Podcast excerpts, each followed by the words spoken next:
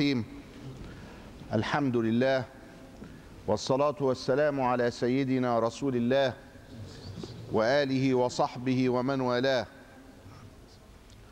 اللهم اغفر لنا ذنوبنا وكفر عنا سيئاتنا وتوفنا مع الأبرار واشرح صدورنا للإسلام. اللهم يا أرحم الراحمين استر عيوبنا ونور قلوبنا واهدنا إلى أقوم طريق. اللهم نعوذ بك من الهم والحزن ومن العجز والكسل ومن غلبة الدين وقهر الرجال ومن الكفر والفقر ومن سوء المحيا والممات. اللهم أحينا مسلمين وأمتنا مسلمين غير خزايا ولا مفتونين. اغفر وارحم وتجاوز عما تعلم إنك أنت الأعز الأكرم. أقمنا بالحق وأقم الحق بنا. واعصمنا من الزلل والخطأ والخطيئة. واجمعنا على خير في الدنيا والآخرة. واجعل جمعنا هذا جمعا مرحوما. وتفرقنا من بعده تفرقا معصوما. ولا تجعل فينا شقيا ولا محروما. واجعلنا ممن يستمعون القول فيتبعون أحسنه. اهدنا فيمن هديت. وعافنا فيمن عافيت وتولنا فيمن توليت. لا حول ولا قوة إلا بك. اللهم صل وسلم على سيدنا محمد في الأولين وفي الآخرين وفي العالمين وفي كل وقت وحين. وانفعنا به في الدنيا واجعله إمامنا في الآخرة. واجعل القرآن الكريم ربيع قلوبنا وجلاء همنا وحزننا واجعله حجة لنا ولا تجعله حجة علينا. اللهم يا ربنا استجب دعاءنا ولا تردنا خائبين. وادخلنا الجنة من غير حساب ولا سابقة عقاب ولا عتاب. ومتعنا بالنظر إلى وجهك الكريم. في جنة الخلد يا أرحم الراحمين. قال المصنف رحمه الله تعالى ونفعنا الله بعلومه في الدنيا والآخرة. قال العلم النافع هو الذي ينبسط في الصدر شعاعه ويكشف به عن القلب قناعه. إذا فهناك علم وإذا سمي شيء بهذا الاسم في الكتاب العزيز فالمقصود به معرفة الله. فكل علم وصل إلى الله.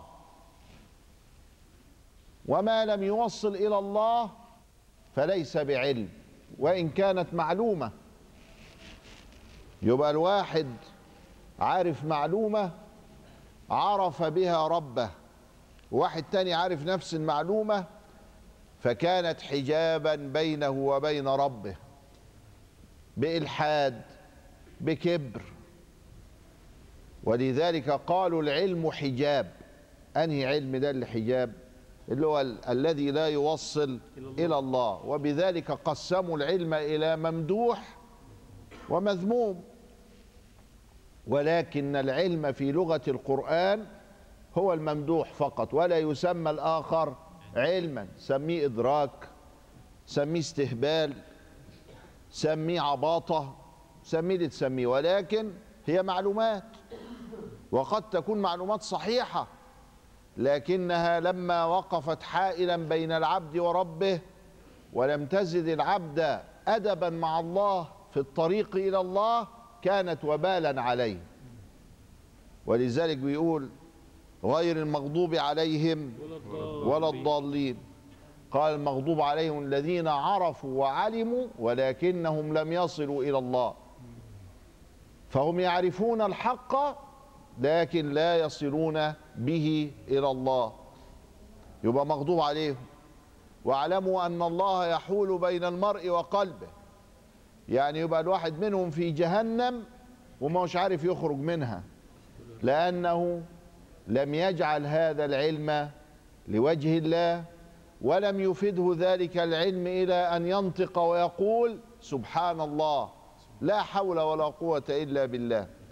أما من أفاده العلم بذلك فهو علم محمود إنما يخشى الله من عباده العلماء. قل هل يستوي الذين يعلمون والذين لا يعلمون؟ فأطلق فعمم. قال فأطلق فعمم. يعني إنما هل يست... قل هل يستوي الذين يعلمون يعلمون إيش؟ أي حاجة. يعلمون أي شيء.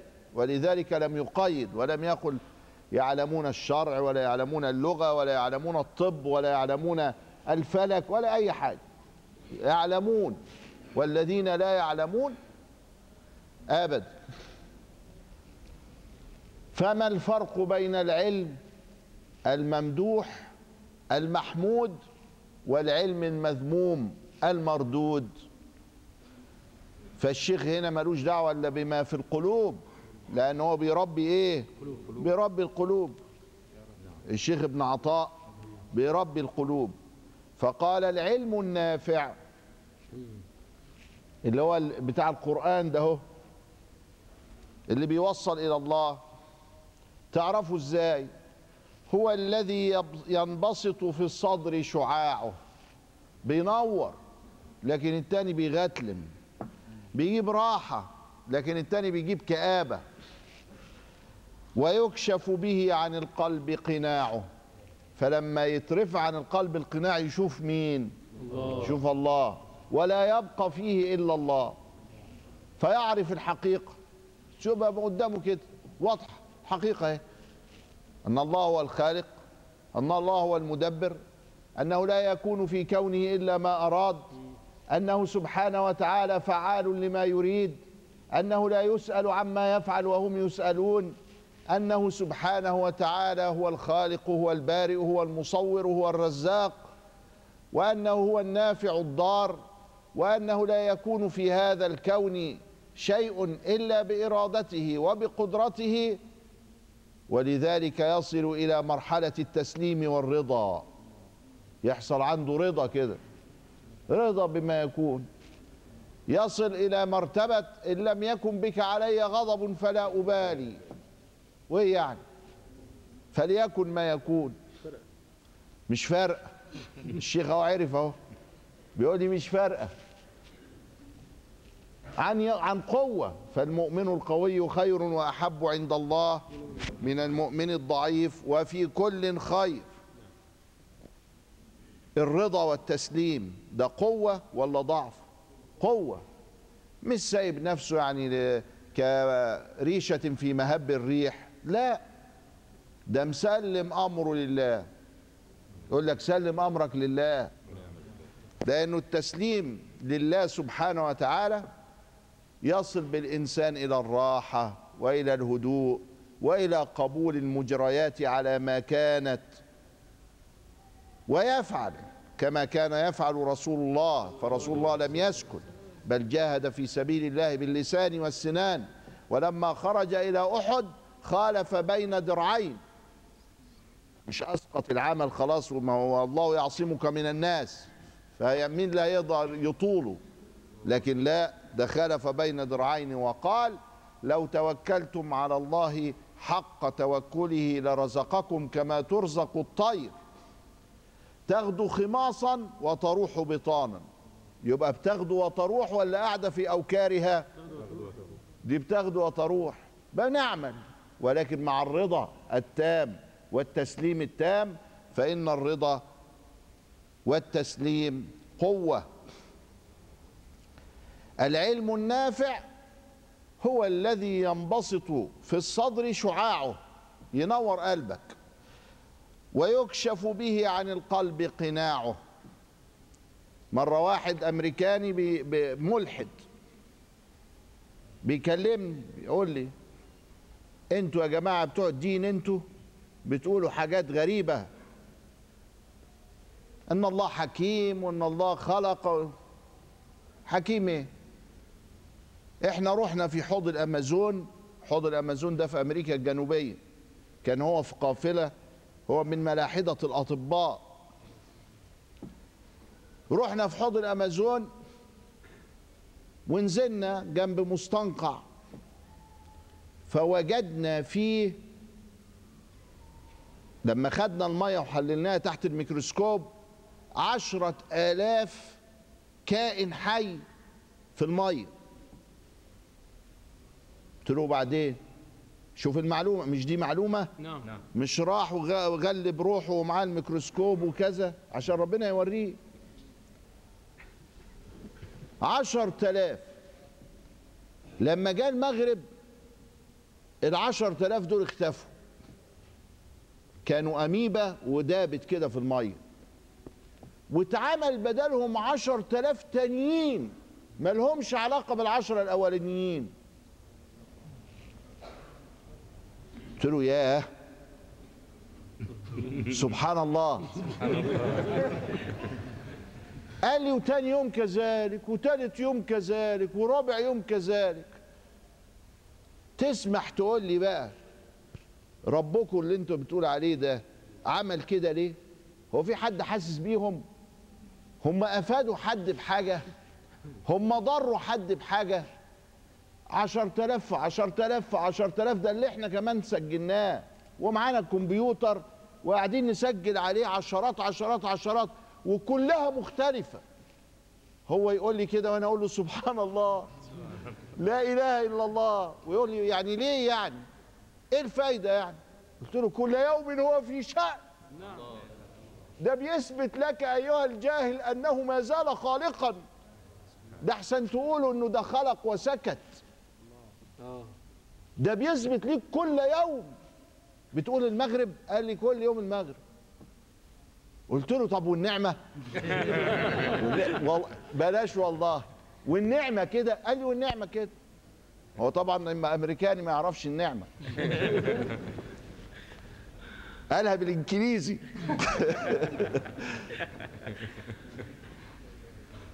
قلت له لا إله إلا الله.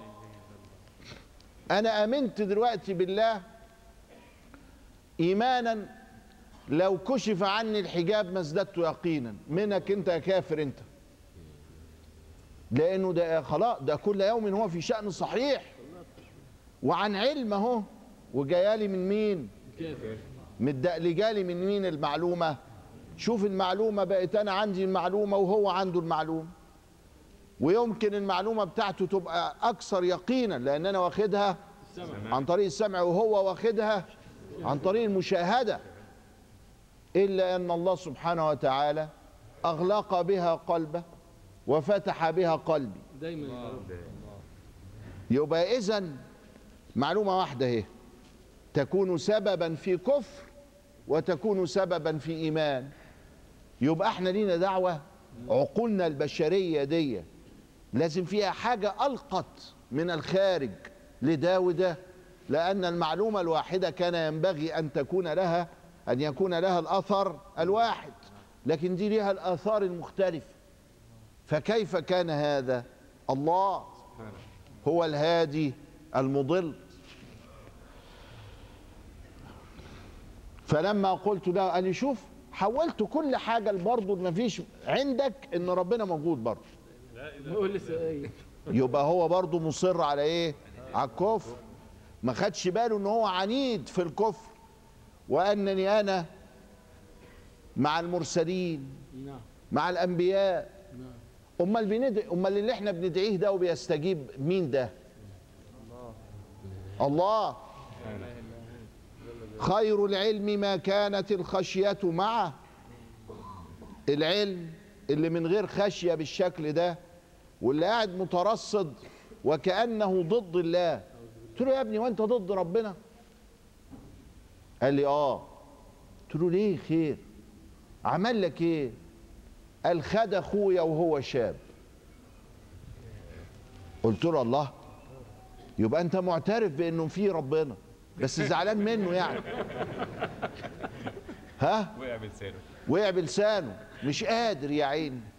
مش قادر يلحد وقع بلسانه قال لي خد أخويا وهو صغير شاب وكنا بنحب بعض قوي قلت له طب ما تحبه هو أكتر. عشان لما تلحق بأخيك تجده أنت وهو في الجنة. وعلى كل حال هو في نهاية المطاف قال لي هفكر. طيب خير العلم ما كانت ال- الخشية معه. أما ما فيش خشية وفي علم. معلومات يعني لا توصل إلى الله ولا تعلم الأدب معه. فدلوقتي في استنساخ وعايزين يعملوا يقضوا على الموت ويعملوا لنا نسخة تانية. طب خدوا خبطوا في راسكم هناك معلومات كلها. طب وإيه يعني؟ بس هل هذه المعلومات فيها خشية؟ فنخفف الآلام عن الناس ونعالج المرضى بالحاجات المعلومات دي. ولا يؤدي بنا هذه المعلومات إلى حرب النجوم وحرب الكواكب وتدمير الأرض والهيمنة عليها و... ما هو ما فيش خشية. قال رضي الله تعالى عنه العلم إن قارن قارنته الخشية فلك. هيتحسب لك. تحشر يوم القيامة مع العلماء. وإلا فعليك. ما هو يا لك يا عليك. عليك يبقى تحاسب لما انت شفت عشر تلاف حاجة بقضيها لك وبعمل لك غيرها مش تقول سبحان الله. تعالى يا ولد. مش تقول لا إله إلا الله. مش تقول لا حول ولا قوة إلا بالله. مش تقول كل يوم هو في شأن. مش تقول آه، يعني آه، يخلق ما يشاء. سبحانه. مش تصفه بالصفات العلى ولا تقعد كده زي المسمار تتكلم كلام فاضي ملوش أساس؟ قال رضي الله تعالى عنه متى آلمك آلمك عدم إقبال الناس عليك أو توجههم بالذم إليك؟ فارجع إلى علم الله فيك. فإن كان لا يقنعك علمه فمصيبتك بعدم قناعتك بعلمه أشد من مصيبتك بوجود الأذى منهم.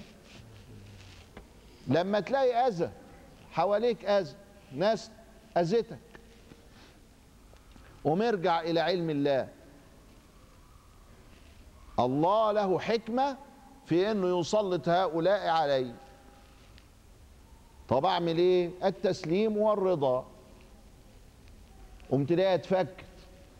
لكن لو سلمت ورضيت كده في الظاهر وما لقيتهاش اتفكت فقلت الله دي ما اتفكتش. تبقى لا تقصد بها وجه الله. تقصد بها وجه الله لما تنسى الحكاية. بس تقلت عليا الأذية. طيب وعلم الله فيك. خلي بالك من إنه ده كله لا يكون إلا بإرادة الله فيك. وعلم الله فيك هتوديه فين؟ تذكروا دائما. مش مقتنع أن الله سبحانه وتعالى هو الذي قدر عليك هذا؟ تبقى مصيبتك كبير وتبقى مصيبتك في عقيدتك هذه أشد من المصيبة بتاعتك في ابتلاءك من هؤلاء المؤذين. وربنا يقينا شر المؤذين من الجن والإنس. لأنهم عايزين يفتنوا الناس. فلا يكون مطمح نظرك إلا إلى مولاك. فإنه سترك وغطاك. يعني هو اللي بيسترك وهو اللي بيغطيك. اذا لا يكون مطمح نظرك إلا إلى مولاك. سبحانه وتعالى. قال إنما أجرى الأذى على أيديهم كي لا تكون ساكنا إليهم. ما هو لو أجرى الخير على أيديهم كنت تعلقت بيهم من دون الله وحبيته. لكن هو عايزك ما تحبهمش تحبه هو بس. أراد أن يزعجك عن كل شيء.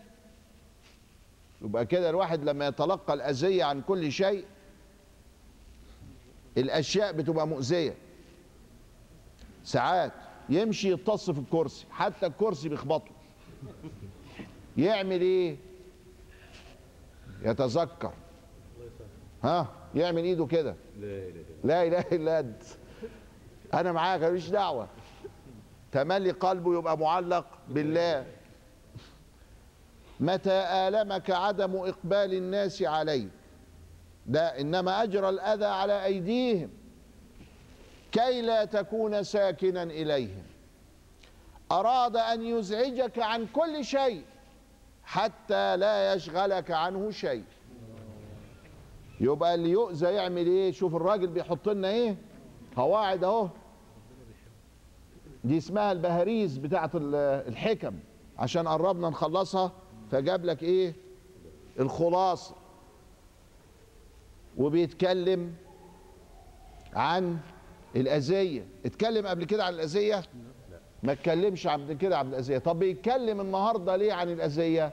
لازم حد حاضر فينا كده أهو مأذي. ولازم حد زهق من الأذية. فربنا ساقه عشان يسمع الكلمتين بتوع سيدي ابن عطاء الله النهارده. هم بالنسبة ليك تقول أيوه ما عارفين إحنا الكلام ده. لأنك مش مأذي. إنما الشخص المأذي اللي ربنا ساقه النهارده يبقى ده الكلام ليه هو بقى. الترتيب كده. مش كله بتاع ربنا؟ نعم وألسنة الخلائق أقلام الحقائق. يعني إيه اللي يخليني إيه اللي يخلي الشيخ ابن عطاء يتكلم الكلام ده في القرن الثامن الهجري؟ ولا السابع؟ وإيه اللي يخلينا نقرأ ابن عطاء؟ وايه اللي يخلي ال ال ال الإنسان المأذي ده يجينا النهارده. عشان يسمع الكلام ده قوم نقول إيه لا إله إلا الله. برضه كله بإذن الله. يبقى دي رسالة خاصة للمأذيين. واخد بالك يا مولانا الشيخ طه؟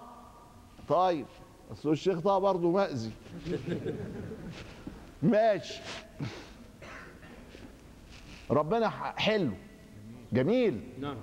أي والله. طيب. طيب ها؟ آه.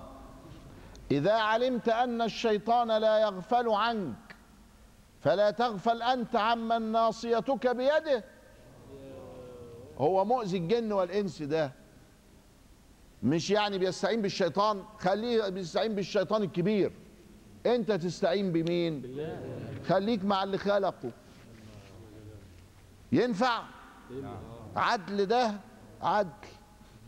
جعله لك عدوا ليحوشك به إليه. خلاه يقف لك كده علشان ما تمشيش. فلما ما تمشيش تروح فين؟ ترجع لربنا. ما انت من الله وعايز تهرب للدنيا. فراح مطلع لك ال- الوحش ده الشرير. عشان يخوفك ولا حاجة ولا تخاف منه قوم تروح لربنا تاني. ليحوشك به إليه بالشيطان إلى الله. ده لما تكون عاقل. وحرك عليك النفس ليدوم إقبالك عليه. ولازم الإقبال عليه ما يصيبوش الفطور بل يكون دائما وأبدا. من أثبت لنفسه تواضعا وطول النهار يقول أنا متواضع على فكره العظمة لله وحده يعني. فهو المتكبر حقا. أنت ملتفت إن أنت متواضع. ما تخليها ماشية كده. طول النهار يقول يا اخوانا على فكرة أنا متواضع جدا. أنا ما أنا بقولش أي حاجة كده. وتلاقيني داخخ نفسي دائما الحمد لله. فهو المتكبر حقا. إذ ليس التواضع إلا عن رفعة. أنا متواضع يعني معناته إن أنت رفيع الشان بس أنت يعني متهاون في حقك. حقك إيه؟ ده أنت بتلاتة ساعات حق إيه ده؟ تراب ابن تراب. فمتى أثبت لن... فمتى اثبتت لنفسك تواضعا فأنت المتكبر؟ أوعى تقول على روحك أنا متواضع. تقول أنا مش عارف أنا ما ده أنا يظهر متكبر. أنا شاعر كده إن أنا متكبر والعياذ بالله ربنا يلطف. لكن تقول أنا متواضع يا اخوانا على فكرة. أنا بقول لكم أهو. وتلاقيني كده هاضم نفسي تملي الحمد لله وسايب حقوق الناس. لا لا لا ده تطمئن يا مولانا. لما نيجي نكلم واد منهم قوم يقول كده. اطمئن يا مولانا قوي. لا ده أنا أعجبك. ده أنا متواضع جدا. ما تلاقيش زيي اتنين. طب وفي كبر أكتر من كده؟ ما فيش كبر أكتر من كده. ويقول النبي صلى الله عليه وسلم لا يدخل الجنة من كان في قلبه مثقال حبة من خردل من كبر. فسلم سلم ده حبة خردل. الجرام ستة آلاف حبة خردل. الستة آلاف حبة خردل جرام. يبقى هبابة خالص كده يعني حاجة كده ستة آلاف جرام واحد. فحبة منهم لو كانت في قلبك قال هتعكر عليك دخول الجنة بسلاسة كده. فهو بقى اللي يغفر لنا وخلاص بقى. ما مش هتيجي كده إلا كده. لا يدخل أحدكم الجنة بعمله.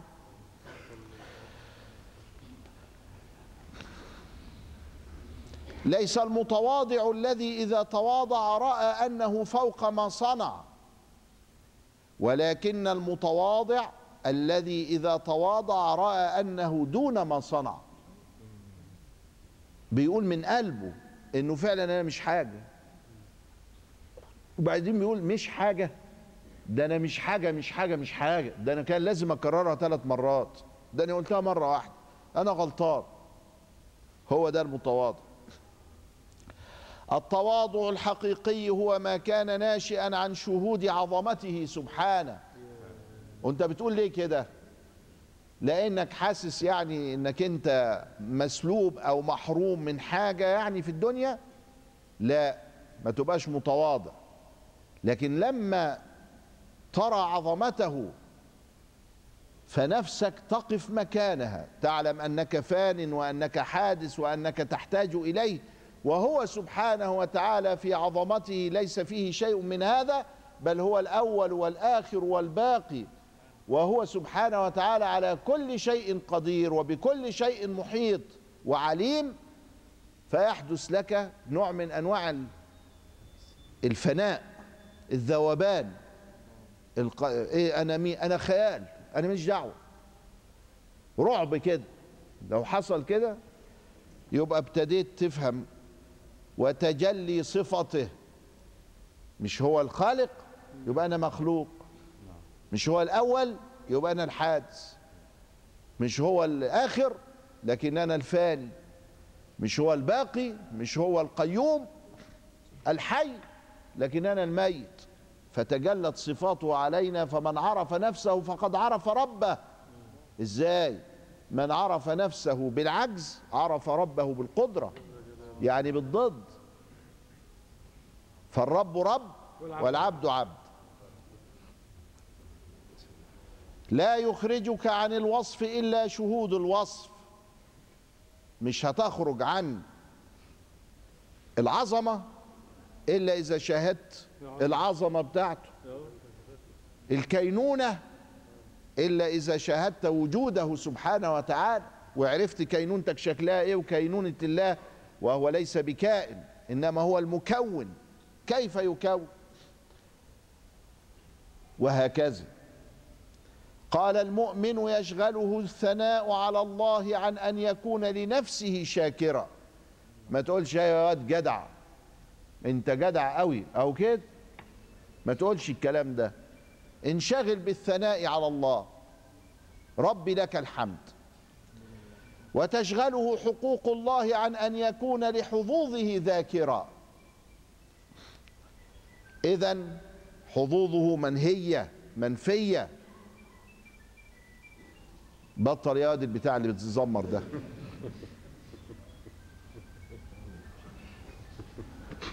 إحنا معانا الشيخ عماد هنا اللي هو الوجه الثاني. إيه؟ بتضحك ليه يا أستاذ؟ أضحكه الله أضحك الله سنة. ولذلك لما كانوا بيقولوا لسيدنا رسول يقول له أضحك الله سنك يا رسول ما يقولوش ليه؟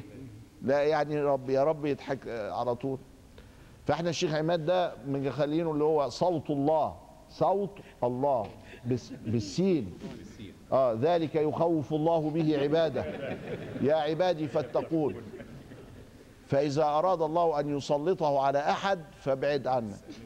فاحنا معانا الحمد لله الوجه الآخر للرحمة. تجلى الله عليه بالقهر. طيب. ليس المحب الذي يرجو من محبوبه عوضا. تصلي علشان تدخل الجنة. تذكر علشان ربنا يعني يرضى عنك ويديلك ويرزقك. وأغلب الدعاء بتاعنا تلاقيه في الدنيا. عايز الواد ينجح وعايز الشيك يتسدد وعايز التجارة إنها تتو... يعني كله دنيا. لكن هناك التعليم إيه؟ ربنا آتنا في الدنيا حسنة وفي الآخرة حسنة. وقنا عذاب النار. يعني تدعي شوية هنا وشوية هنا. خير الدنيا والآخرة. وأرقى من كده من شغله ذكري عن مسألتي. أعطيته أحسن ما أعطي. السائلين فليس المحب الحب الحقيقي الذي يرجو من محبوبه عوضا. أو يطلب منه غرضا. فإن المحب من يبذل لك ليس المحب من تبذل له. واخد بالك؟ فتمالي خليها لله. والتزم بما أمرك الله به وتوكل على الله. سيبها ربنا هي هيعطيك. لكن ما تعلقش قلبك مش لسانك بس ما هو ساعات اللسان يسكت يقول أنا سمعت الشيخ النهارده بيقول ويسكت وقلبه شغال في الدنيا. لا لابد من القلب. لا يفرح بالموجود ولا يحزن على المفقود.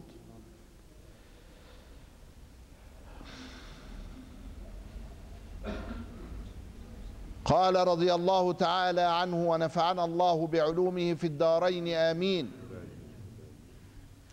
لولا ميادين النفوس ما تحقق سير السائرين. إذ لا مسافة بينك وبينه سبحانه حتى تطويها رحلتك. هو أقرب إلينا من حبل الوريد. ولا قطعة بينك وبينه حتى تبحوها وصلتك. هو اللي بينك وبين الله مقطوع. ده أنت اللي عطيله ظهرك. هنعمل لك إيه؟ ولكن المسألة سهلة خالص. ده ممكن في لحظة يفتح عليك فتوح العارفين به. فليس هناك مسافة يعني تحتاج إليها 30 40 سنة. تقعد تذكر الله ومفيش فايدة.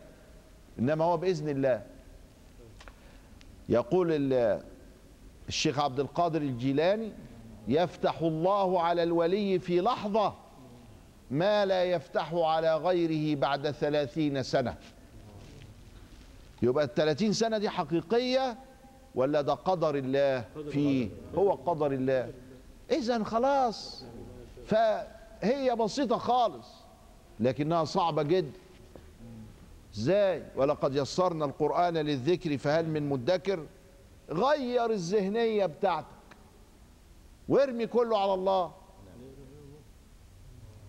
والرمي على الله معناه إيه؟ مفيش تحقيق بقى. مفيش ليه؟ مفيش أسئلة. خلاص. أنا بقيت مع الله. اعمل اللي أنت عايزه.